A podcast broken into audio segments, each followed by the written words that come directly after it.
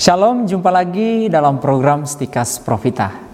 Para saudara, beberapa waktu yang lalu kami menerima sebuah pertanyaan dari seorang kenalan kami perihal salah satu sakramen gereja, yaitu sakramen perminyakan.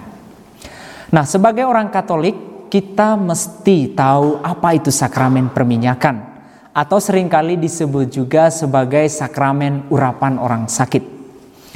Bagi orang tertentu ya, mendengar sakramen perminyakan tentu agaklah menakutkan. Menakutkan karena sakramen ini dulunya disebut juga sebagai sakramen terakhir. Karena diterima pada tahap atau saat-saat terakhir hidup seseorang. Jadi dengan kata lain, sakramen ini diterima menjelang seseorang menghadapi ajal, yaitu menjelang kematian. Jadi sebagai orang Katolik ya berpikir kalau misalnya seseorang menerima sakramen ini berarti sebentar lagi maut atau kematian menjemput dia. Itulah yang membuat kita takut ketika seseorang atau keluarga kita menerima sakramen ini. Memang hal ini cukup logis ya. Tetapi sekarang ini sakramen perminyakan dipahami bukan lagi demikian. Yaitu bukan lagi sakramen terakhir menjelang kematian seseorang ini bukan mengubah pengertian sakramen ini ya, melainkan sisi lain dari sakramen ini yang lebih ditekankan ketimbang sisi penerimaannya menjelang kematian. Jadi dewasa ini gereja lebih menekankan sisi penyembuhannya.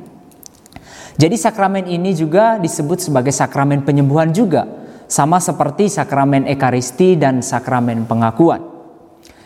Jika penyembuhan yang ditekankan, maka sakramen ini itu bisa diterima berulang-ulang seperti halnya sakramen ekaristi dan pengakuan.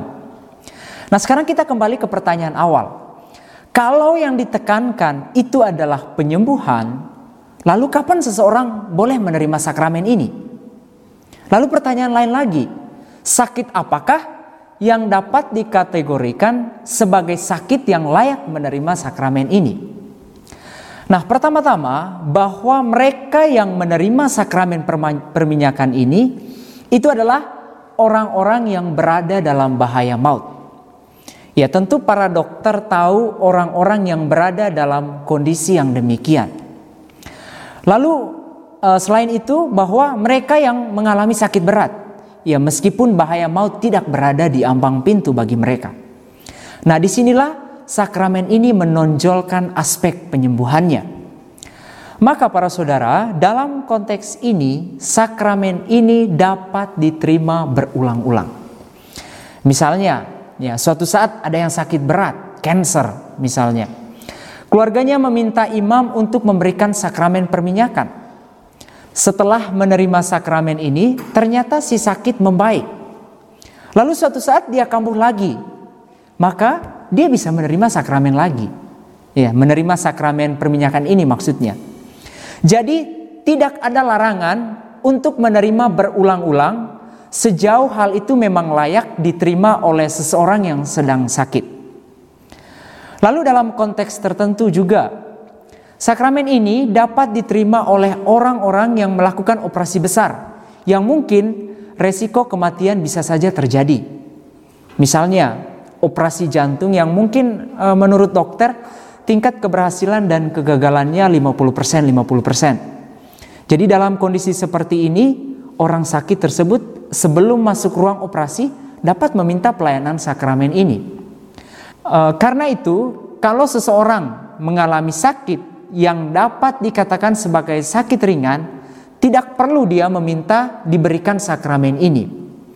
Ya kalau misalnya hanya sakit kepala biasa ya tidak perlu. Atau misalnya ada luka yang tidak membahayakan tidak perlu meminta. Meskipun sakramen ini adalah sakramen penyembuhan.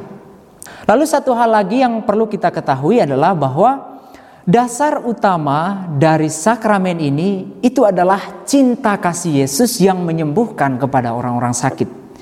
Jadi Yesus datang untuk menyembuhkan orang sakit. Dan memang kesaksian kitab suci banyak mencatat hal ini. Jadi kita tidak dapat meragukan bahwa Yesus itu adalah sang penyembuh. Ya, kalau saya mengutip kata-kata Agustinus, dia mengatakan bahwa Yesus adalah dokter segala dokter. Jadi ini sama sekali tidak boleh mengurangi usaha untuk mencari penyembuhan melalui tangan para dokter di dunia ini ya. Sebab para dokter juga menjadi rekan kerja atau perpanjangan tangan Tuhan dalam menyembuhkan orang-orang sakit. Jadi para saudara, dengan adanya sakramen ini kita memahami dan mengalami cinta kasih Tuhan Sebab di dalam sakramen ini bukan hanya penyembuhan fisik yang kita harapkan, tetapi juga penyembuhan hati kita. Bahwa kita didamaikan dengan Allah dan juga kita didamaikan dengan sesama. Karena itu, sakramen ini mengandung nilai pengampunan dari Tuhan juga. Maka pertama-tama, sakramen ini harus dilihat sebagai tanda atau sarana cinta kasih Tuhan kepada manusia yang datang untuk menyembuhkan orang-orang sakit, termasuk juga mengampuni dosa-dosa manusia. Ini yang perlu kita ketahui bersama. Jadi para saudara, dengan demikian inilah eh, pandangan gereja mengenai sakramen perminyakan ini. Semoga saudara-saudari mengenal dan mencintai kebenaran dan akhirnya Anda diselamatkan. Salam Profita.